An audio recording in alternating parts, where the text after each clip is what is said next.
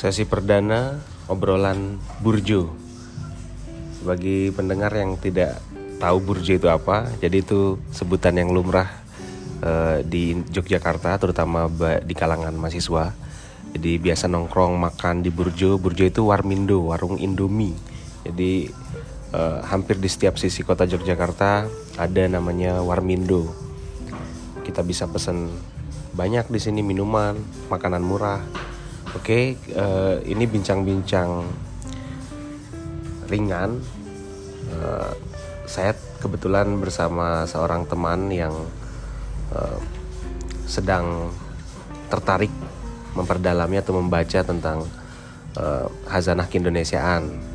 Salah satunya tentang Sultan Takdir Ali Sahbana. Oke, okay, misalnya kalau kita lihat uh, di antara banyak pemikir mungkin nggak terlalu sepopuler Soekarno dan Muhammad Hatta ya. Uh, atau misalnya Buya Hamka atau Tan Malaka. Nah saya tertarik nih mas. Uh, Mas Lingga ini ya teman saya. Saya tertarik dengan sosok Sultan Takdir Ali Sahbana mungkin bisa diceritain sedikit siapa sosok beliau itu. Gimana Mas Lingga STA itu kan orang dari Sumatera, Minang yang dari keluarganya itu cukup taat juga pada agama dan sebagainya, tapi dia memilih jalan yang lain. Dari uh, mayoritas keluarganya dia lebih sedikit lebih liberal dan agak sedikit memberontak dalam pikiran dalam hati di sini seperti itu. Ya saya, saya membaca saya kayak gitu sih. Tapi untuk masalah lahir dan tanggalnya dan sebagainya harus buka buku dulu mungkin ya untuk uh, tahu lebih banyak tentang itu. Tapi intinya itu dia lahir dari keluarga yang cukup terbuka dan ditempa oleh ayah yang saya kira berpendidikan yang cukup tinggi pada zaman Belanda saat itu. Oke, uh, mungkin kalau kita bahas di momen yang singkat ini tentang STA ya. Kita singkat aja STA ya Mas ya. Sultan Takdir Ali Syahbana. Nah, mungkin tidak akan cukup ya kalau kita bahas di uh, pertemuan ini. Saya tertarik apa yang membuat Mas Lingga uh, tertarik membaca STA. Kalau sebelumnya mungkin Muhammad Hatta banyak pembacanya ya, apalagi Soekarno. Nah kemudian STA ini apa yang menarik yang kemudian Mas Lingga tertarik ingin mengkaji pemikirannya? Di antara para pejuang yang satu era dengan Soekarno dan Hatta pada saat itu, STA ini saya kira unik karena mengambil jalan yang lain melalui perjuangannya. Ya, kita lihat pada saat itu Soekarno dan Hatta lebih banyak pergerakan kepemudaan, organisatoris, Hatta kemudian juga bergerak dalam bidang pendidikan. Nah, STA ini agak unik karena dia bergerak dalam bidang kebudayaan. Ya mungkin pada saat itu sudah ada seperti Ki Hajar Dewantara dan sebagainya, tapi STA lebih kepada perjuangan kebudayaan yang agak bisa dibilang membuat geger masyarakat Indonesia pada saat itu dan karena dia lebih cenderung kepada kebudayaan modern Indonesia. Artinya dia ingin membuat suatu kebudayaan baru di Indonesia. Nah, gimana kebudayaan baru itu?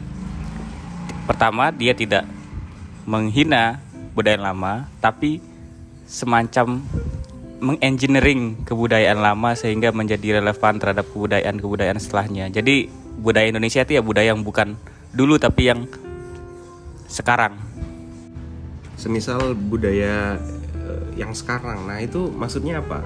Artinya apakah STA kemudian melihat ada batasan yang jelas antara yang disebut sebagai budaya lama dengan budaya baru kemudian dia mungkin menganggap budaya lama itu sebagai uh, produk dari kolonialisme mungkin sehingga dia melihat bahwa eh, ya contohnya lah misalnya orang menganggap bahwa itu sebagai local wisdom padahal itu dibuat oleh para kolonial gitu misalnya para penjajah misalnya kayak semacam bangsawan atau apa gitu apakah seperti itu Hmm, ya.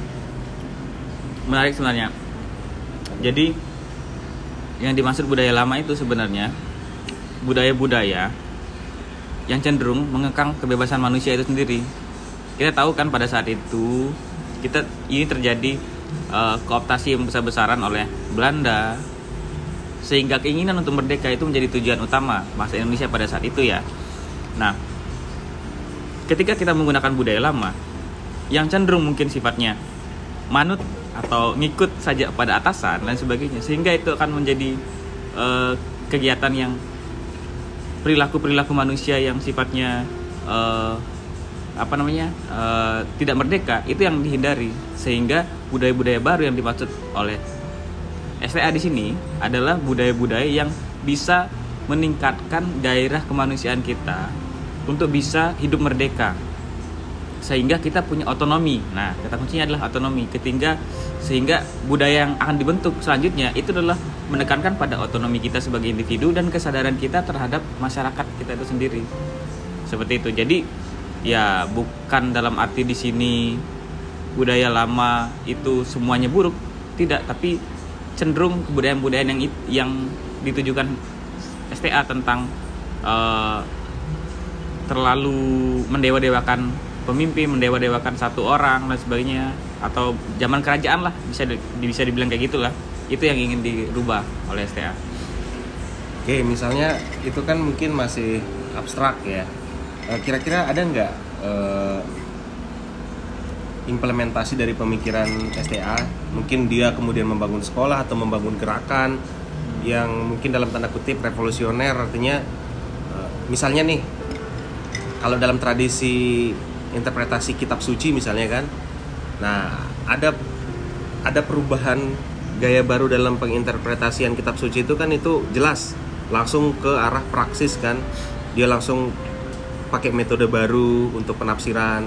Nah, kalau STA ketika dia mengkritisi budaya lama artinya mengkritisi ba- bagaimana para penghayat budaya itu stuck dalam eh, romantisme budaya tuh ketika menganggap bahwa ada sakralisasi budaya gitu. Apakah ada misalnya langkah konkret dari STA?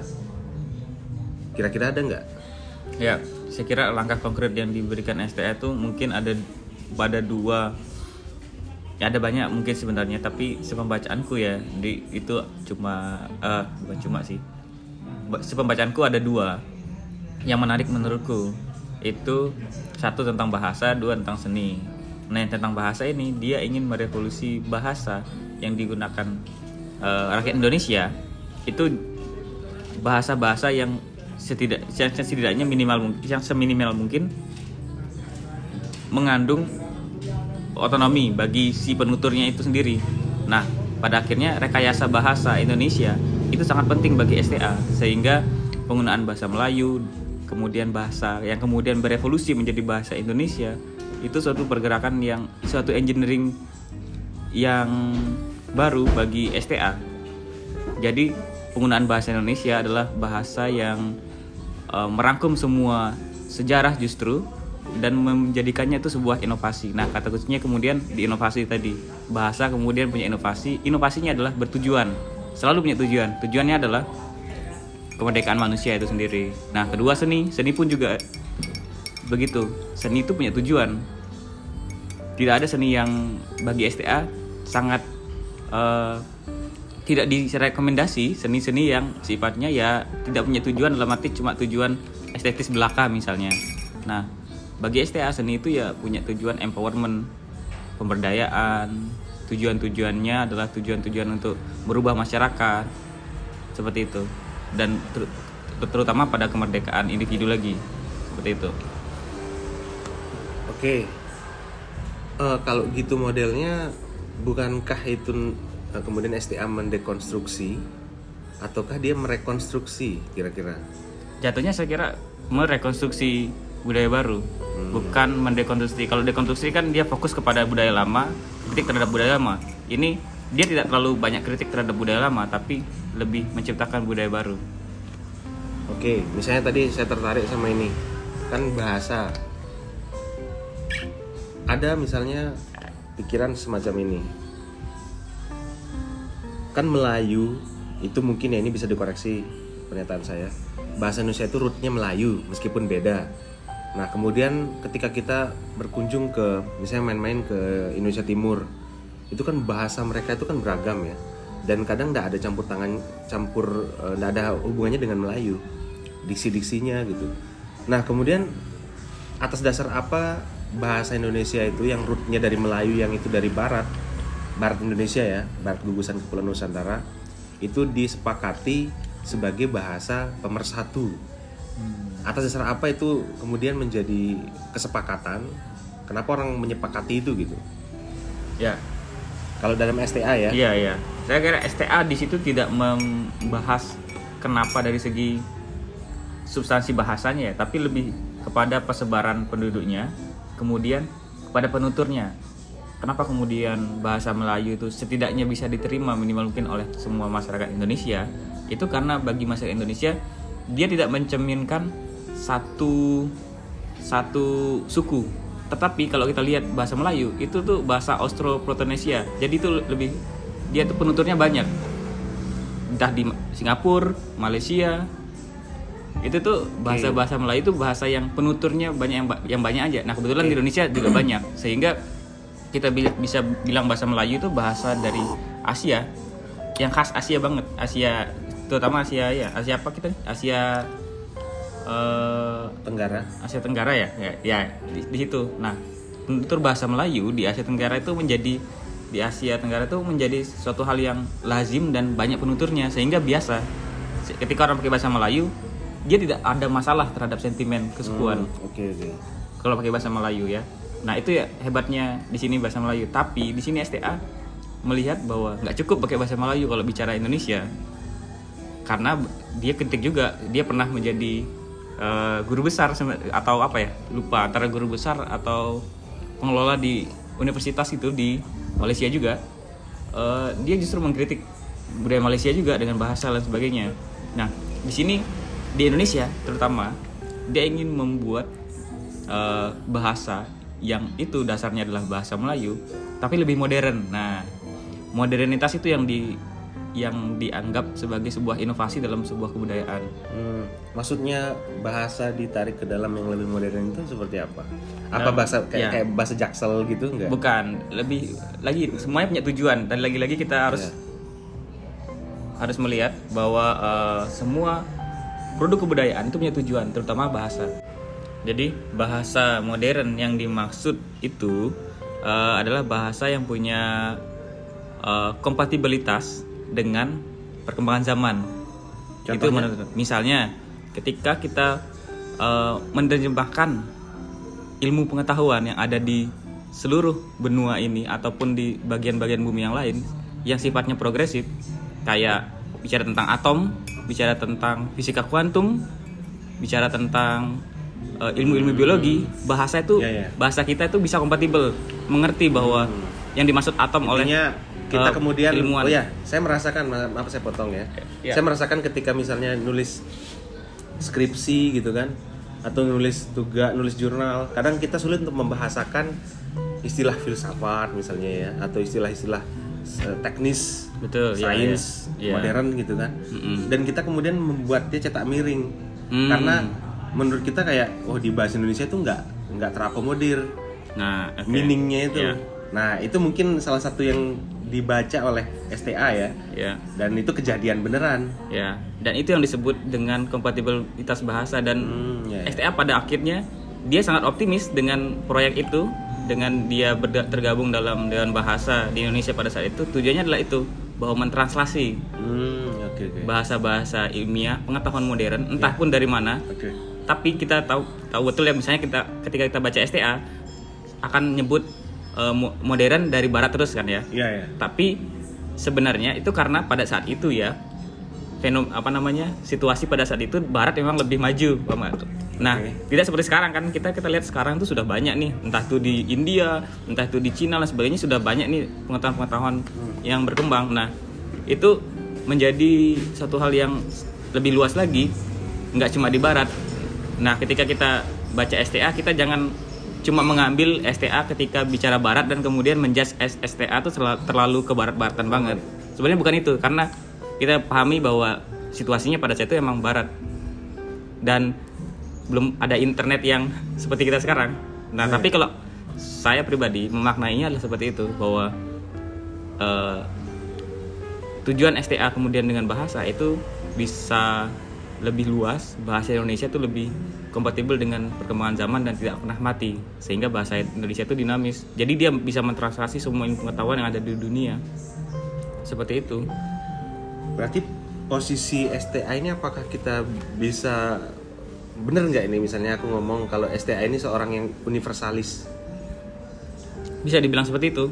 universalis dari segi Ya. linguistik misalnya ya Eh, atau gini mungkin kita potret lagi kalau tadi kan eh, dia melihat fungsi bahasa ya atau pragma linguistik itu nah apakah ada dia melihat mengkomparasikan ger- secara gramatikal bahasa Indonesia itu lebih eh, apa ya lebih efektif mana kita menggunakan bahasa Indonesia atau bahasa Inggris dari segi gramatikal. Contohnya misalnya kadang kalau di bahasa Inggris itu misalnya panjang ya. Kadang ketika dipindah ke dalam Mandarin misalnya itu hanya sedikit. Nah kalau menurut saya nih ini mungkin saya orang awam tentang itu ya. eh, ya lebih efektif Mandarin karena dia Hmm. misalnya dua satu tarikan napas, nah nah nah nah, nah. Hmm. itu sudah sama artinya dengan ketika kita ngomong bahasa Inggris satu kalimat Hmm. yang mungkin eh, dua baris gitu. Nah kita kalau menurut menurut kamu gimana itu?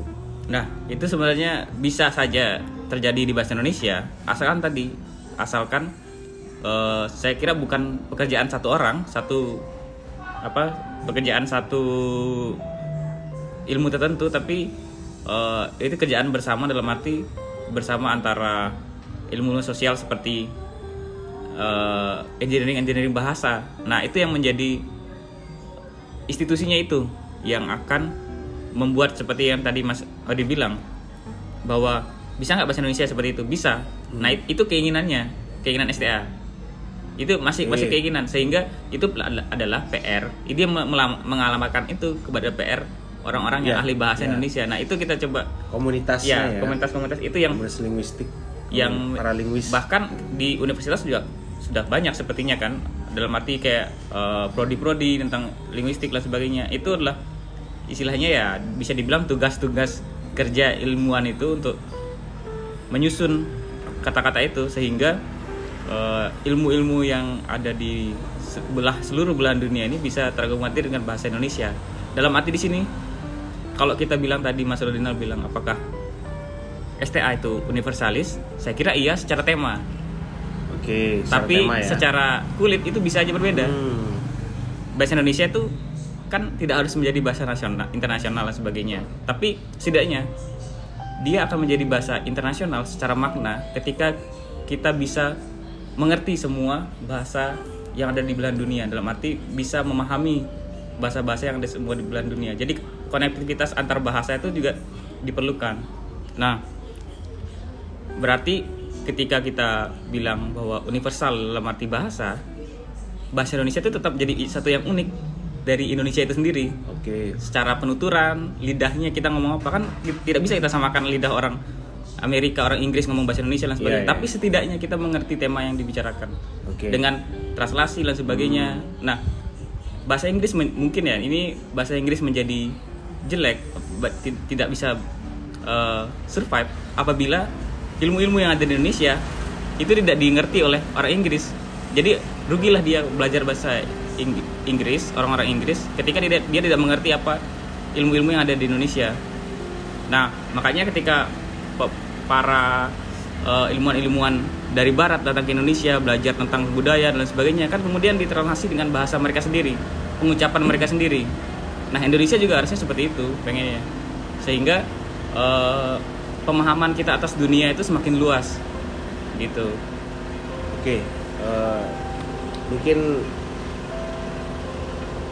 nanti kita lanjutin ya. Eh, kayaknya menarik bicara tentang STA.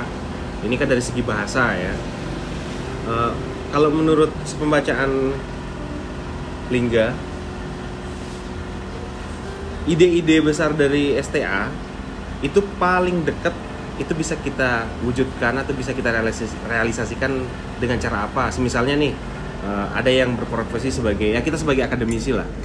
Kira-kira bagaimana? Eh, paling dekat atau paling mudah untuk mengimplementasikan ide-ide besar dari STA ini? Gambaran misalnya kamu punya master plan kayak oh mau bikin ini menerapkan STA konsep STA itu bisa bisa diterapkan dengan cara seperti ini. Mungkin kamu sudah punya gambaran. Sebenarnya kalau dilihat sekarang tuh sudah banyak sebenarnya yang kemudian eh, sejalan dengan STA seperti misalnya di seni tentang tentang inovasi seni. Hmm. Misalnya nah contoh bahasa misalnya. Nah di bahasa ini ya tadi tugas eh, memberi alamat ini kepada pegiat-pegiat engineering bahasa untuk Engineering bahasa ini yang dimaksud adalah eh, ahli-ahli linguistik. Oh, ahli, li- ahli linguistik. ahli ya. linguistik yang punya Kalau lebih konkret lagi misalnya kita melihat pusat studi bahasa pusat apa? bisa bisa studi Pusat bahasa, bahasa misalnya ya. pusat bahasa bahasa Indonesia Iya. terutama ya. Iya. Kalau kita bicara bahasa ada banyak tuh. Misalnya iya. kalau Pusat pusat bahasa, bahasa pusat Indonesia, bahasa Indonesia, ya iya. itu dia punya semacam kayak kerangka kerja yang struktur untuk benar-benar bisa tadi salah satu tujuannya adalah Oke. membuat Indo- bahasa Indonesia itu lebih mod- eh, bahasa Indonesia lebih modern diterima oleh ilmu-ilmu modern dan bisa mengerti ilmu-ilmu modern. Nah, seperti apa? Ya, translasi dalam arti sini istilah-istilah ilmiah, translasi istilah-istilah yang eh, sekiranya itu bisa berefek kepada sosial masyarakat kita. Nah, itu tuh menjadi PR kita bersama. Ah, Bahkan nggak cuma ahli bahasa, mungkin di ahli bahasa kan lebih ex- ex- advance ya. Yang sederhana bagi kita adalah salah satunya ya penggunaan bahasa sehari-hari ya penggunaan bahasa sehari-hari yang eh, lebih kepada me- me- mempersiapkan eh, susunan bahasa itu sendiri biar tidak terkesan kita menghegemoni satu orang misalnya salah satu. Jadi penggunaan kita bahasa itu jangan sampai kita merasa kita menguasai orang itu. Misalnya menggunakan bahasa beliau. Kadang-kadang teman-teman di universitas masih pakai pakai beliau masih pakai yang mulia dan sebagainya. Nah misalnya salah satu itu. Terhormat. yang terhormat misalnya Sehingga gitu. ada gap gitu ya. Iya, sehingga ada gap. Sehing- pada padahal menurut eh, di STA bahasa itu setidaknya ya memberikan penyamarataan posisi s- antara penutur dan penutur lainnya.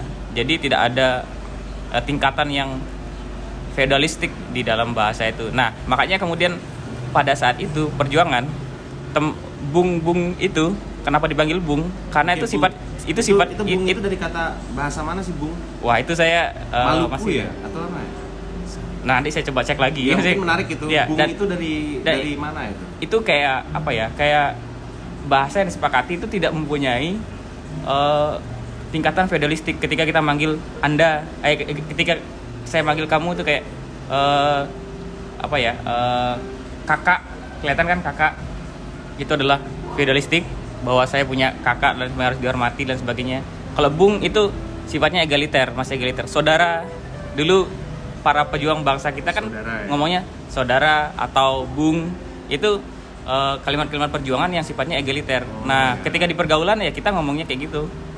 Setidaknya kalau mau implementasi itu ya adalah kayak gitu, punya kata ganti yang sifatnya eh, ketika berhubungan dengan orang itu sifatnya egaliter oke gitu. Oke, menarik ya. Nanti kita lanjutin lagi eh, Mas Lingga ngomongin tentang proyek rekonstruksi bahasanya yang digagas oleh Sultan Takdir Ali Syahbana.